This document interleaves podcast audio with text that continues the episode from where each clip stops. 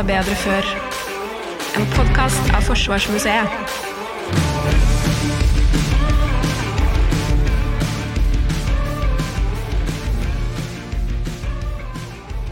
Kjære lyttere, fjern og nær. Det er med stor glede at jeg kan melde at Alt var bedre før er på lufta igjen med en flunkende ny sesong.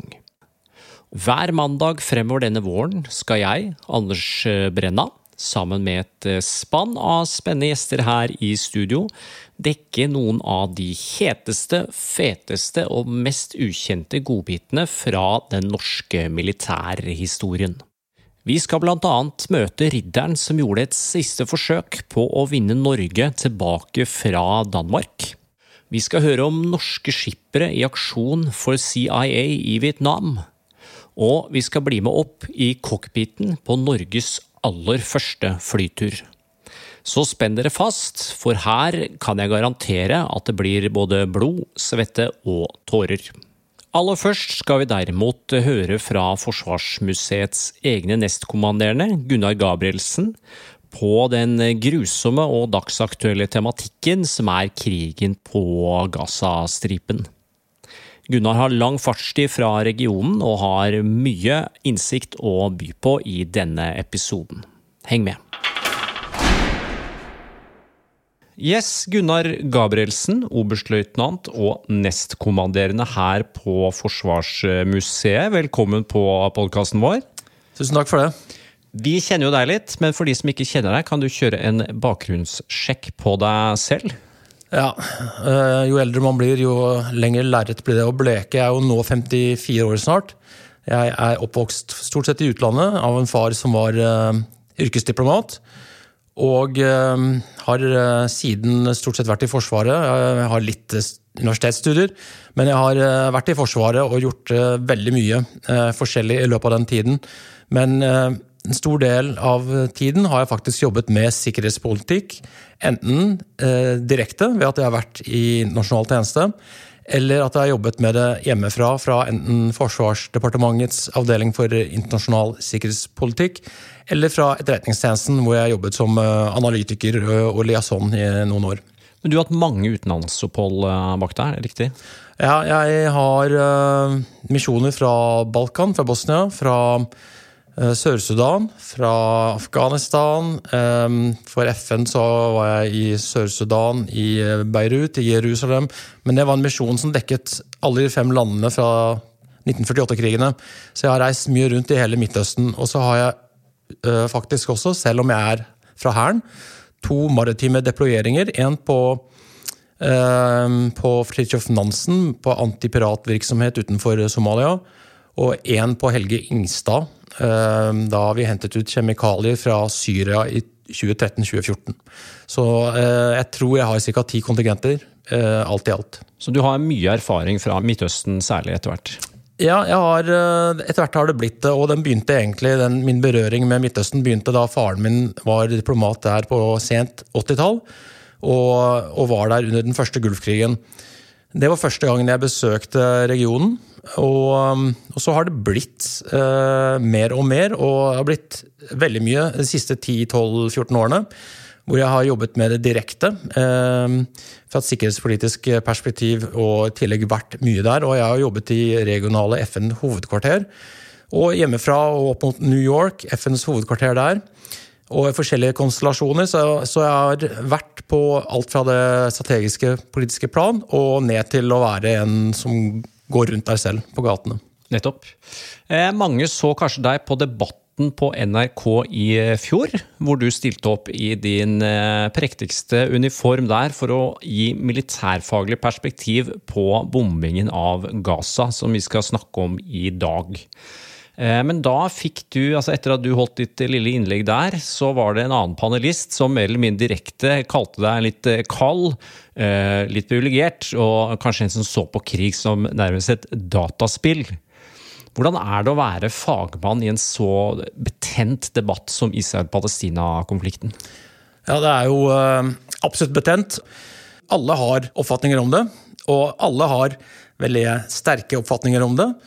Det er ikke noe kriterium å ha kompetanse for å kunne uttale seg veldig bombastisk om forhold knyttet til denne delen av Midtøsten. Ikke hele Midtøsten. Vi vet alle hvilken del av Midtøsten vi snakker om her. Det er ingen som har veldig sterke oppfatninger om enten eh, Syria eller Jordan. Men det er eh, det som i dag er Israel og de palestinske områdene, som eh, en gang i tiden var det britiske protektoratet Palestina, og som har vært en del av landområdene til store riker som har kommet og gått i tusenvis av år. Hvorfor er det så betent akkurat denne konflikten? Det er jo andre stygge konflikter som er pågående rundt omkring i verden. Altså, du har jo nevnt Sør-Sudan her, eh, f.eks. Det er ikke hyggelig der heller. Nei, Hva er det med Israel-Palestina-konflikten tror du, som gjør at akkurat den er så, så politisk betent? Akkurat dette med Sør-Sudan, jeg bare undersøkte nå nettopp av en annen årsak. Eh, den siste runden med borgerkrig internt i Sør-Sudan, som varte fra 2013 til 2020 der var det altså 400 000 mennesker man estimerer ble drept. Og uh, jeg har jo jobbet med Sør-Sudan. Jeg har vært der og jobbet med det hjemmefra. Og for meg så var dette helt nytt. Uh, jeg har ikke fått med meg at det var en så brutal og blodig krig der. Og jeg spør meg selv hvordan kan det ha seg at jeg overhodet ikke har fått med meg dette? Jeg har jo faktisk en interesse for Øst-Afrika, faglig. Uh, men Midtøsten, der vet alle, tydeligvis til enhver tid, alt av hva som foregår. Og det er så mye sånn stridstemaer knyttet til det. Det er så mye dramatikk. Altså Siden Israel ble etablert i 1948 som det eneste FN-sanksjonerte land, mandaterte land, så har det jo vært utrolig mye dramatiske hendelser der og knyttet til det. Så alt dette gjør jo at det, det forsvinner aldri fra oppmerksomheten. I, eh, jeg var på et møte i eh, Kairo. Det var i forbindelse med en eh, FN-jobb jeg hadde i regionen. Og Det var med det egyptiske utenriksdepartementet. Og jeg husker godt at da sier den ene om, Han var vel ikke minister, men han hadde en seniorposisjon i forhold til den egyptiske utenriksministeren. Han sa at i Egypt så har vi et ordspråk som heter Det er som du ikke hører på meg, så skal jeg få deg til å høre på meg. Og med det så menes at uh, om man ikke lytter, så gjør de noe så voldsomt, noe så spetakulært, at man ikke kan unngå å høre det. Og det er jo det som uh, skjedde nå, i uh, 7. oktober i fjor. Da har det altså fra palestinsk side så har det vært sagt i mange år for de som har lyttet, så har de beklaget seg. Sier hva er dette for noe? Hvorfor snakker dere ikke lenger om Palestina? Hvorfor snakker dere nå om Ukraina og Afghanistan? Hvorfor er det land i, i, arabiske land som nå inngår en eller annen form for fredsavtale med Israel? Eh, hvordan kan dere glemme oss? Og så Fra mange arabiske land så er det sånn ok, vi har hørt dere nå i eh, 70 år. Verden må også kunne gå videre. Uh, og da ser man altså dette her uh, levendeliggjøringen av det her uttrykket. Om ikke du hører på meg, så skal jeg få deg til å høre på meg med det som skjedde 7.10, som da fullstendig har dominert nyhetsbildet siden. Og dette kommer da etter to år med krig i Ukraina, etter at Russland invaderte Ukraina. Og det er svært mye annet som skjer, med tanke på miljøødeleggelser, og med Kina, og med det Taiwan-spørsmålet, og det ene og det andre. Men allikevel så klarer denne knøttlille landområdet å gå fra å være ikke glemt, for det har det jo aldri vært, men til å dominere nyhetsbildet. Og det viser bare den enorme eh, kraften som er i hele, hele den eh, saken her. Hvorfor gjorde Hamas det de gjorde 7. oktober? Altså, hva var det de ønsket å oppnå med dette? Vet vi noe, vet vi noe om det? Noe av det første som ble sagt etter at uh, angrepet begynte den 7. oktober, var fra Hamas eh, ledelse. Uh, da sa de at nå skal vi tømme israelske fengsler. Og med det så mente de at med de gislene som man alt da skjønte de var i ferd med å ta, så skulle man få i stand en avtale som gjorde at eh, Israel eh, ville måtte tømme fengslene for eh, arresterte palestinere for å få tilbake gislene. Det var noe av det første som ble sagt. Så at det var én målsetting. Og så er det jo denne målsettingen om at verden må ikke glemme palestinernes sak. Og så Hamas er jo ikke alle palestinere. Hamas har makten i, på Gaza. Og så er det Fatah, det andre store partiet, som har makten på Vestbredden. De er jo ikke best buddies i det hele tatt. De er tvert imot uh, arge uh, politiske motstandere, og mer enn det. fordi at da Hamas tok makten på Gaza rundt 2006 Det har ikke vært noe valg siden, det har de ikke tillatt. så har de bl.a. tatt livet av en god del eh, Fatah-politiske representanter. Og på Vestbredden, hvor eh, Abbas sitter med makten for Fatah, så har det heller ikke vært noe valg eh, omtrent på samme perioden. For der har man jo skjønt at Hamas begynner å vokse sterkere, og man vil ikke ha noen reprise på at Hamas da tar makten. For det å sitte i posisjon, det gir prestisje, det gir makt, det gir penger. Det vet alle. Det er ingen som kommer til å gi fra seg noen posisjon frivillig. Slik at det var også en posisjonering opp imot uh, det palestinske miljøet. Og, og, det å vise at uh, i en situasjon der alle andre nå driver og logrer med halen og skaper fred med Israel, så skal vi fortsatt forsvare vår sak og gikk da til angrep.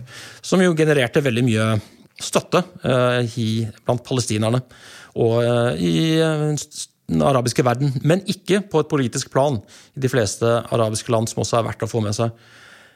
I de fleste arabiske land så er det jo sånn at det myndighetene frykter mest av alt, det er jo ikke en krig med Israel eller en krig med USA. De frykter mest av alt gata, the street.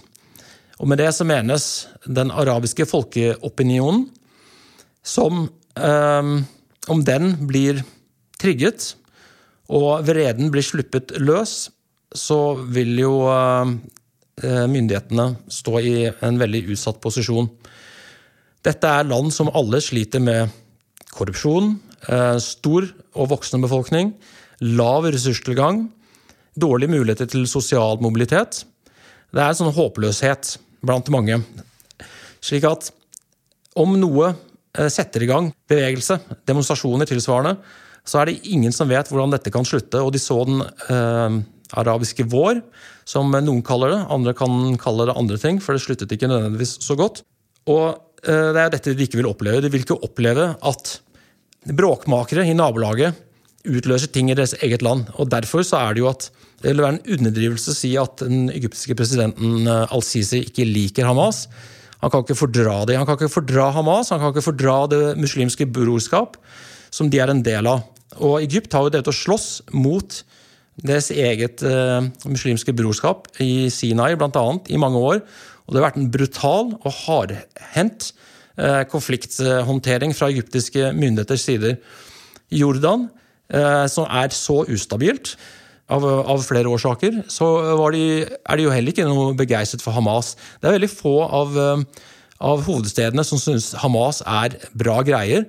De syns det er bra at de får seg en på trynet av Israel, men de syns også det er bra at Israel har problemer. Og eh, til syvende og sist så støtter de palestinernes sak, men de vil ikke ha palestinerne i sine egne land, og de vil ikke at Hamas skal inspirere eh, andre grupper i andre land. Når de tok de gislene, og du nevnte her at de hadde håpet å tømme israelske fengsler, så er det vel fordi Israel har en ganske lang historikk på å gå overraskende langt for å få tilbake israelske soldater, både levende og døde, er det riktig? Ja, det er riktig. Um, alle vet det. Israel vet det, og alle nabolandene vet det. Og det er ikke nødvendigvis bare soldater. Uh, det kan også være andre. Uh, det har vært tilfeller av uh, noen sinnsforvirrede israelere som rotet seg over, eller gikk med viten og vilje over grensen inn til eh, Nå husker jeg ikke om det var Gaza eller om det var i Libanon og ble tatt av Hezbollah. Men det spiller ingen rolle. En israeler som er tatt som gissel, og som da er død eller levende, skal Israel få tilbake og begrave på eget territorium. Og det er en sosial kontrakt som er mellom eh, stat og borgere. Alle skal vite det, at her gjør vi alt vi kan for å få tilbake de som har blitt tatt av andre.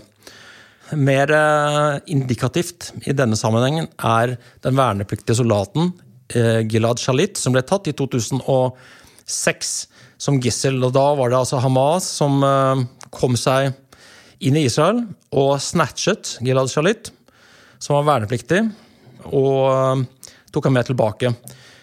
Og det tok fem år med forhandlinger før han ble utvekslet mot uh, til sammen mer enn 1000 palestinere som satt i israelske fengsler, bl.a. de som hadde vært ansvarlig for denne uh, serien med bomber mot israelske busser og busstasjoner på tidlig 2000-tall, og det var jo da primært Hamas. Så at det var jo bl.a. gjerningsmenn for mer enn 500 drepte israelere i terrorangrep, ble da sluppet i 2011 mot at de fikk Gilad Shalit tilbake. Og også mange av ledelsen i Hamas som var ansvarlig for 7. oktober-angrepet. Så det er, det er en diskusjon i Israel. Liksom, er det riktig å slippe så mange, og så mange som er blitt funnet skyldige for terrorangrep, for å få tilbake én eneste av vår? Og det er jo ingen som vil protestere på å få tilbake denne ene som ble, da ble tatt som gissel. Eh, men, men, det er jo klart at det er en vanskelig sak. Men det viser bare igjen eh, hva man er villig til å gjøre. Og da Gilad Shalit ble sluppet i 2011, så var han det første israelske gisselet som man hadde fått tilbake i live på ja, 25 eller 35 år. Det hører til sjeldenhetene at de får tilbake noen som fortsatt er i live. Man er så redd for det i Israel å bli tatt gissel, for man vet at i beste fall så kommer du tilbake etter noen år. I verste fall så skjer det forferdelige ting. Og det er også prisen man må betale for å tatt uh, få deg tilbake. Så, uh, så at sikkerhetstiltakene er jo ganske enorme over hele Israel, nettopp for å unngå denne typen hendelser, at det skal skje. Du, du har skrevet i en kronikk at Hamas denne gangen mest sannsynlig har tatt altfor mange gisler. Flere enn de hadde regnet med, kanskje, og flere enn hva som kanskje har vært nødvendig. Fordi eh, du kan tro at du liksom Har du 15 gisler, så kan du forhandle, men altså har du 215 gisler, hva skal du med så mange? Er, de, de må jo ha skjønt at når de tok så mange, at det kom til å bli en full invasjon. Har de regna med det? Er det en del av strategien deres av angrepet at de skulle bli invadert? Tror du det? Jeg syns en av de mest uh, overraskende sidene ved 7. oktober-angrepet var det store antallet gisler. Fordi at det er rett og slett ikke nødvendig. Uh, man vet jo, for det har man funnet, man har jo funnet detaljerte planer som de hadde. Det at de kom så langt som de gjorde, uh, hadde Hamas planlagt med, altså fysisk. De hadde egentlig planlagt å komme seg helt over til Vestbredden. Bare for å markere at se her, vi har kommet oss helt fra Gaza og til Vestbredden tvers over Israel. Så at øh, De hadde nok planer og ambisjoner, men at de faktisk lyktes ut ifra sin egen målsetting med disse massakrene og med å ta så mange gisler Jeg har litt vanskeligheter med å tro at de selv trodde det, for at det er så mange at det er logistisk problematisk med så store antall gisler. Og det er ikke nødvendig heller, øh, med tanke på hvor mye man har fått tidligere Eh, selv for de delvise levningene av eh, folk som har dødd for lenge siden. Og Den første runden med utveksling av gisler mot fanger, eh, da var det altså tre palestinere per israelsk gissel, som er det laveste utvekslingsantallet som har vært i noen avtale, i hvert fall på mange mange tiår. Og det er jo fordi at de hadde så mange. Og en annen ting var, fra Hamas' side så var det også en PR-katastrofe at de tok barn og kvinner og fremmede gjestearbeidere. Uh, og det, det, kan virke som selv Hamas skjønte at det her, her uh, var ikke bra. Dette var ikke forenlig med det inntrykket de forsøker å skape. At uh, de tar kun sionistiske okkupanter, altså soldater. Så at, sånn sett så tror jeg at antallet er altfor høyt, og det har skapt problemer i seg selv. fordi at Fra israelsk side så har liksom dette regnestykket da gått i stykker. Denne gamle måten å beregne gisler mot uh, motytelser på uh, tok utgangspunkt i langt langt færre antall. Det var snakk om én og to og tre gisler, og ikke noe mer enn det.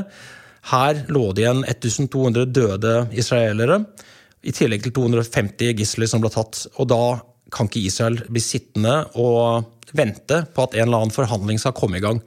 Og det var jo også veldig tydelig eh, med en eneste gang de hadde fått summet seg på Israels side den 7. oktober, at uh, denne gangen så kan man ikke sitte og vente på at noen skal ringe og si at uh, vi har noen gisler, hva vil dere gi for dem? Eh, så der, den, det var en blunder på israelsk side ved at man ikke hadde forsvart seg godt nok.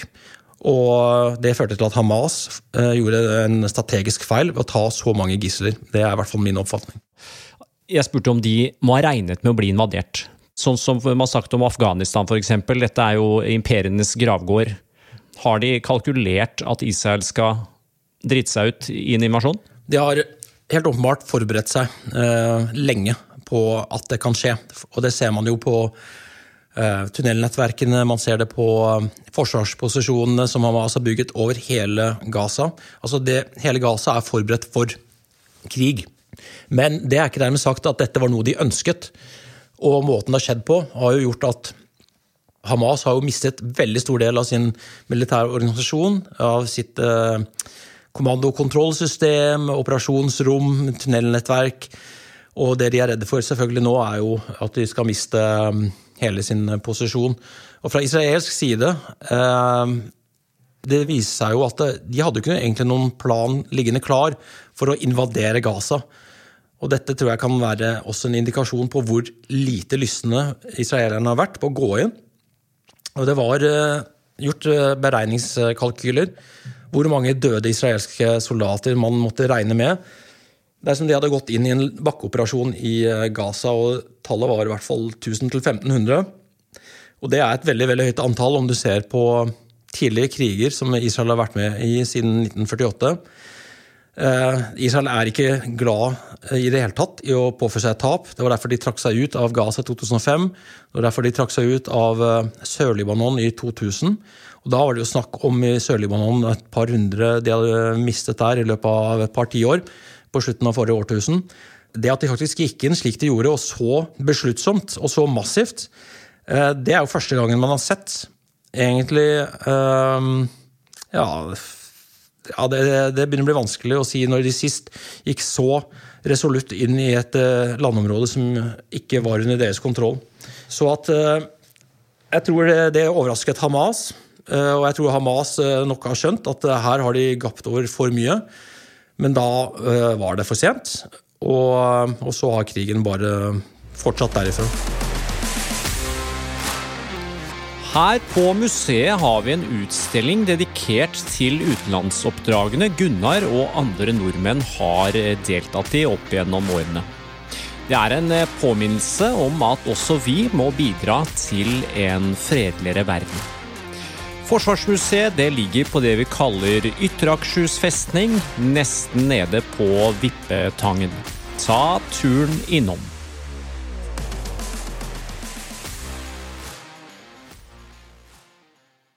Tror du hvis eh, Hamas hadde, når de skjønte hva som har skjedd, og så si det Gaza by var tatt, f.eks., at de hadde sagt greit, vi gir oss, her er de 200 gislene. Eh, her er eh, tre-fire av topplederne for planlegging av angrepet. Vi overlever dem til Israel. Sånn, sorry, vi legger den her død nå. Tror du Israel hadde stoppa? Det sitter noen ganske radikale gærninger på toppen i Israel der også. Er de så hevngjerrige nå at selv om, om eh, Hamas skulle ha frisluppet alle gislene, så hadde Israel eh, fortsatt å invadere? Hadde Hamas gitt eh, mer gisler, litt lettere, kanskje litt mer eh, med hyppigere frekvens, så kunne de om ikke annet skapt en mer langvarig våpenhvile. Netanyahu gikk ut tidlig ut og sa den 7. oktober det han sa om at Hamas skulle ødelegges. Og med tanke på det mentale sjokket og traumet som var i Israel etter det her, så overgikk absolutt alt man har opplevd i Israel, og de opplevde det aller meste i, på disse årene så kunne man ikke late som om eh, dette her kunne avsluttes før det var avsluttet på den mest mulig radikale måten, og det var å ødelegge Hamas til en så grad at uh, deres militære evne altså Politisk så er det vel ingen som tror at, uh, at uh, man kan ødelegge dem. Selv ikke Netanyahu tror vel det. Men at militært så hadde de blitt så malt i stykker at det ville tatt lang tid for de å komme tilbake om i det hele tatt. Og i det tidsrommet òg så er det jo andre prosesser som kan slå inn, som gjør at det ikke er Hamas som er de som, eh, som blir sittende med makten eh, etterpå. At, eh, at, det er en annen politisk løsning på palestinsk side, eller at det kommer andre meglere inn, inn i dette og gjør. Men det var det store antallet som gjorde at Israel gikk inn. Og hadde de kun tatt militært personell, og ikke altfor mange, så er det rimelig å tro, om man ser på hvordan det tidligere har skjedd, at det hadde blitt en eller annen gisselutleveringsavtale som kunne også gitt en eller annen politisk uttelling. Men eh, dette har blitt for voldsomt. Det startet altfor voldsomt, og det har fortsatt veldig voldsomt. Og nå har eh, Israel og IDF kommet så langt inn i eh, Gaza og har redusert Hamas til så stor grad at akkurat den målsettingen er jo ganske mye nærmere enn det kanskje noen forestilte seg ville være tilfellet den 7. oktober. Uten at det kommer nødvendigvis til å løse så veldig mye. Det er veldig forståelig at Israel har da som strategisk mål å knocke ut Hamas. Men det bor jo en sivil befolkning på Gaza. Dette er en av de mest tettbebodde stedene i hele verden, og det er grusomme scener som spiller seg ut der, selvfølgelig. Bombingen av Gaza hvordan de tar alle bygningene. Jeg har sett eh, oversiktsbilder over det, hvor mye av infrastruktur forskjellig som er sprengt eh, til månen eh, av israelerne. Må de gjøre dette, eller er dette en hevnaksjon? Jeg tror at Hadde hevn vært det eneste formålet, så kunne det vært løst uten å helt tatt gå inn på Gaza. Um, det er ødelagt veldig mye av bygningene. Det er litt forskjellige prosent antall som oppgis, men eh, det er i hvert fall sett 30-40 av all bygningsmasse er skadet eller ødelagt. Dette er jo veldig eh, typisk for bykrigføring og det som er med Gaza. Gazastripen. Det har jo vært en enorm befolkningsvekst eh, de siste 30 årene. Befolkningen har gått fra en halv million til over to millioner. Og slik man bygger der, så bygger man ikke spesielt høyt, man bygger i betong som er det enkleste bygningsmaterialet å få tak i, og også å bygge. Så at det er utrolig mye eh, bybebyggelse, og den er i betong. Og dette er også den beste eh, bygningsmassen å drive defensiv strid fra. Bykrigføring gagner i veldig stor grad eh, den som er i forsvar. Og Det er flere årsaker til det. Det ene er at de som da er i forsvar, i dette tilfellet Hamas, har veldig god oversikt over hvor de selv er, og veldig god oversikt over hvor fienden kommer, altså IDF. De vil se veldig tydelig eh, hvordan de må bevege seg for å komme inn i Gaza. Det gjør det også mye lettere å planlegge et forsvar og, og velge tidspunktet for når man eh, tar kampen. Når man begynner å avgi ild. Man kan vente inntil man har fienden akkurat der man ønsker, før man utløser eh, bomber eller eh, starter beskytning. Og så blir det også veldig mye enklere å omgruppere og gjemme seg. Med tanke på dette eh, så blir ødeleggelser i by alltid veldig store om det er en befestet motstander. Og det har man sett eh, mange steder i verden hvor det har vært eh, bykrigføring. Man så det jo i Stalingrad og man så det i store deler av Europa under andre verdenskrig. Og man ser det veldig godt her, og Fallujah f.eks. i Irak. Slik at om eh, den ene parten velger å bite seg fast og yte sitt eh, forsvar og strid fra der man er, og det er i bygninger, så er det veldig få alternativer på øh, å ta motstanderen, altså de som er i forsvar, i dette tilfellet Hamas, annet enn at du må samtidig angripe bygningene, som gjør at du får bygningskollaps og ødelagte og skadde bygninger. Så dette er en karakteristikk ved bykrigføring, og den ser man i ekstremt stor grad utfolde seg i Gaza. Du tror altså at la oss si USA skulle gå til Gaza, eller Egypt gå inn på Gaza, så ville det sett noenlunde likedan ut? Det er ikke IDF som er spesielt eh, trigger-happy her? Nei, altså eh, en amerikansk eh, militæranalytiker tilknyttet den amerikanske krigsskolen West Point og Institute of War. Og han skriver det at USA har, amerikanske forsvaret har faktisk ingen manual for hvordan man skal gå frem i bykrigføring. Eh, at det er selve krigsformen, ikke bare en del av en annen krigsform som, som forsvar eller angrep. Og man har eh, sett andre Den russiske tilnærmingen er jo bare å legge absolutt alt i grus. Det var jo det de gjorde i Tsjetsjenia. Eh, og det man har sett i Syria, og um, også i uh, Ukraina. Meg bekjent er det ingen som har klart å utvikle en form for bykrigføring som skåner bygningene. Det er, ligger i, den typen krigførings natur at, uh, at enten så må fienden jages vekk, eller nedkjempes, eller så blir alt ødelagt rundt føttene deres. Nei. IDF skryter jo at de er en av de mest moralske hærene i verden. De har egne mm, bombesystemer hvor de skyter først med en dummybombe for at huset skal ristes og folk skal få tid til å gå ut. Bla, bla, bla, bla. De skryter masse av dette. Vi tenker å gå inn i hele det, men det jeg lurer på er hvorfor har ikke Israel vært flinkere, vært mer på for å bevare sitt omdømme med å opprette leire, humanitære leire, Kanskje på israelsk jord. Kanskje nå, etter hvert som de sikrer kontroll på Gaza, oppretter leire i nord, hvor de kan i det minste slippe inn barn og syke og skadde og gamle. Er det operativt nesten klin umulig å få til, eller hvordan er det?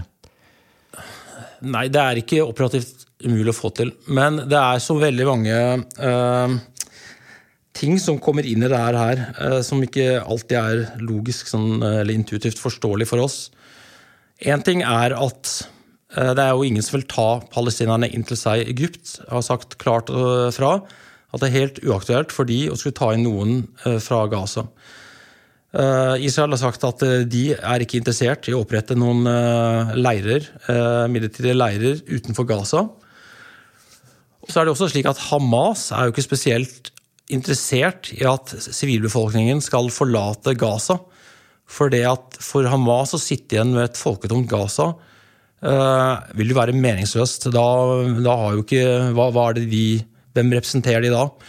Uh, hvem er det de da har en makt i forhold til?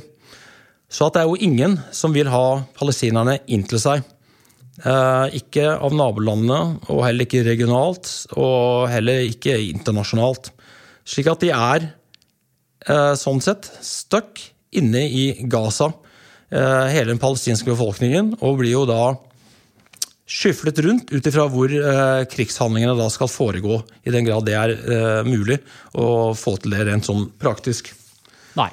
Tror du dette, altså selve invasjonen av Gaza, kommer til å bli en såkalt Fyros-seier for Israel, hvor de måtte, vinner i gåsetegn dette slaget mot Hamas, men de taper på lang sikt? Internasjonalt omdømme. De eh, kommer til å destabilisere Gaza så til de grader at der kommer til å oppstå eh, altså Hva som kommer etter Hamas, det kan være noe som er enda mer radikalt igjen.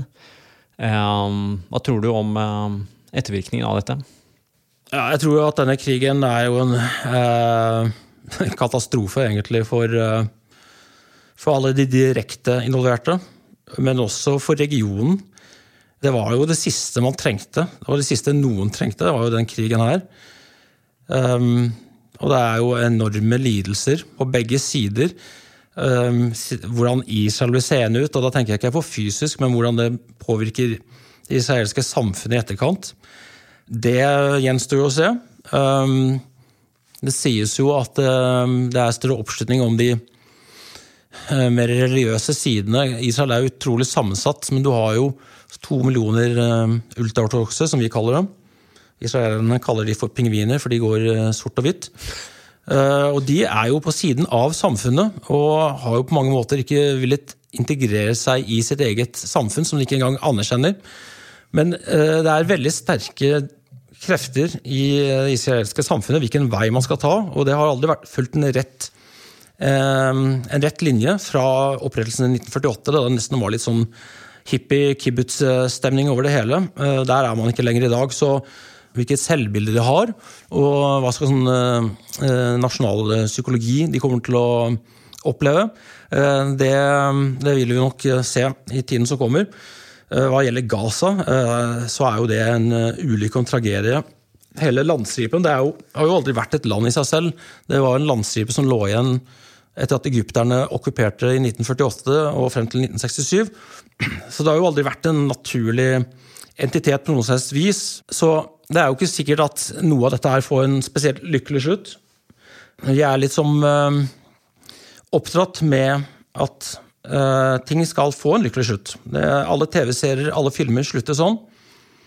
Men Midtøsten har jo opplevd århundrer av gangen med ren og skjær tragedie og elendighet. Ødeleggelse og massakrer. Og det er, det er jo ingen grunn til at det skal slutte med det. Eh, det er for mange motstridende interesser.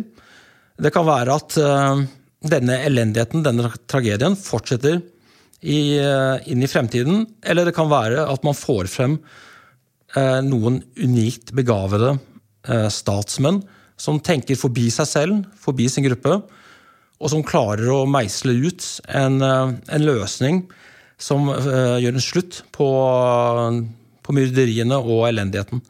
En person jeg har veldig veldig stor respekt for i regionen, er Anwar Sadat, som var president for Egypt.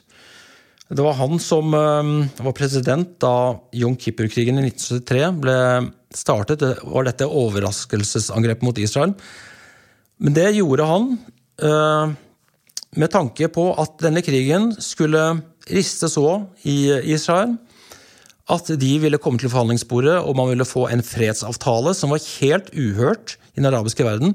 Og Egypt ble jo kastet ut av den arabiske liga pga. dette. Camp David-avtalen i 1978. Dette var starten for eh, fredsavtaler mellom Israel og nabolandene. Og som har ført til mye større grad i hvert fall stabilitet for de landene som har tegnet avtalene. Det medførte også at Anwar Sadat selv ble tatt livet av av Det muslimske brorskap under en militærparade i Kairo. Så han betalte med sitt liv for en avtale som hadde enorme konsekvenser eh, lokalt, men også regionalt og globalt. Og dette gjorde han vel vitende om at eh, han kom til å skaffe seg fiender overalt. Eh, men eh, dette, dette, var mot, og dette var statsmannskap av ypperste klasse.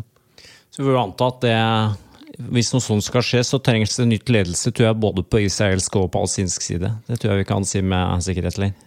Ja, de partene som nå eh, er, ikke fremtiden, det er helt klart. og eh, Netanyahu etter 7. oktober ble nok ansett for å være dead in the water i israelsk politikk. Og de har, de har vel dette Israel med å ta oppgjøret når Støvet har lagt seg, og det er nok mange som eh, kommer til å oppleve at de er eh, passé og ferdige da. Så det får man jo se, om det kommer frem et annet type lederskap der, og på palestinsk side også, hvordan de finner ut av det. Til syvende og sist hvordan de skal eh, styre seg selv på Gaza, men også som en, en folkegruppe. Vestbredden og Gaza til sammen er jo et palestinsk anliggende.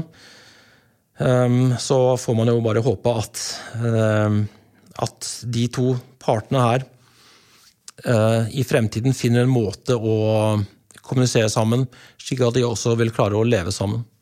Mm. Eh, de siste dagene her nå så har det vært eh, trefninger mellom Hezbollah og Israel. Også står vi i fare for at det blåser opp til storkonflikt i hele regionen? Hezbollah har aldri ikke vært til stede. De dominerer jo helt Sør-Libanon. De har bygget opp en, eh, den mest profesjonelle militære organisasjonen i Libanon. Og det er utenfor eh, kontroll av sentralmyndighetene, om man kan si at Libanon har det. Så de eh, trenes, støttes, inspireres av Iran via Syria. Har en stor organisasjon og har absolutt ambisjoner og eh, slagkraft. Og om det er noe Israel har vært eh, bekymret for i alle disse årene, så har det ikke vært Hamas, det har vært Hezbollah, og det er de fortsatt. Det kan synes som om Hezbollah ble tatt på sengen da Hamas angrep 7.10, og at det ikke ble et eh, organisert og synkronisert angrep på to fronter samtidig, for det hadde vært, det hadde vært skrekken for Israel. Men det synes som om Hezbollah ikke ble orientert, og de har heller ikke villet gå all in i, eh, i, denne krigen, selv om de gir sin moralske støtte. Og Grunnen til at de ikke har gått tyngre inn eh, Det har vært absolutt trefninger, det har vært mye raketter, det har vært forsøk på infiltrasjon fra Hezbollah inn i Nord-Israel. Men det har vært på et forholdsvis um, moderat nivå. Det er litt sånn rart å bruke det, for der har det jo gått hundrevis av raketter, og det har, vært, uh, det har vært veldig mye som skjedd stort sett hver eneste dag, som jo man sjelden hører om. Men det synes som om de ligger foreløpig eh, litt bakpå. De har ikke lyst til å engasjere seg så mye at, eh, at Libanon blir dratt inn i krigen. I Libanon er man jo trøtte av kriser. Det har man jo hatt kriser i årtier. Og eh, Det er en veldig vanskelig situasjon, og de, ønsker ikke, de andre folkegruppene ønsker jo på ingen måte at Hezbollah skal trekke de inn i en krig. Det er det siste de trenger. Og bak Hezbollah står Iran. Iran òg har nok blitt litt eh, overrasket over den voldsomme responsen, særlig fra amerikansk side etter 7.10, med deployering av hangarskipsgrupper. Og det man har sett med houthiene eh, og de angrepene mot houthiene og Shia-militser i Irak etter at skipstrafikken ble angrepet i, eh, i Rødehavet. Slik at Iran ønsker heller ikke at dette her skal komme ut av kontroll, for da risikerer jo de selv. Og med Iran så menes da pressestyret, som jo også er ikke unilateralt elsket av sin egen befolkning. Det er jo sterke krefter og spenninger internt i det iranske samfunnet. Så at Iran ønsker jo ikke heller at dette skal komme ut av kontroll, for da kan jo de også miste det de har brukt årtier på å bygge opp siden 1980. Så Hizbollah er litt bakpå, og Iran er også litt bakpå, fordi de ønsker ikke at alle eggene i samme kurv skal knuses på en gang. Da håper vi at den konflikten ikke blåser seg opp til noe tredje verdenskrig eller noe i den duren. Gunnar Garbergsen, takk for at du delte din kunnskap med oss på Alt var bedre før. Eh, tusen takk. Jeg vil jo bare presisere at min kunnskap er jo det jeg har fått med meg. Jeg forsøker å forstå konteksten, jeg forsøker å forstå sammenhengen. Og jeg syns verden er et veldig komplisert og vanskelig sted. Jeg forsøker å gjøre det litt mer forståelig for de som måtte lure, men jeg vil jo på ingen måte påstå at jeg sitter med noe svar. Jeg forsøker bare å, å skjønne det som skjer rundt meg, så håper jeg at eh, det kanskje kan eh, bidra til å åpne horisontene også for andre. Hadde du sittet på svarene til Fred på jorden, så hadde du vært en rikere mann du er i dag, Gunnar. Det tror jeg vi kan slå fast. ok, takk skal du ha. Takk, takk.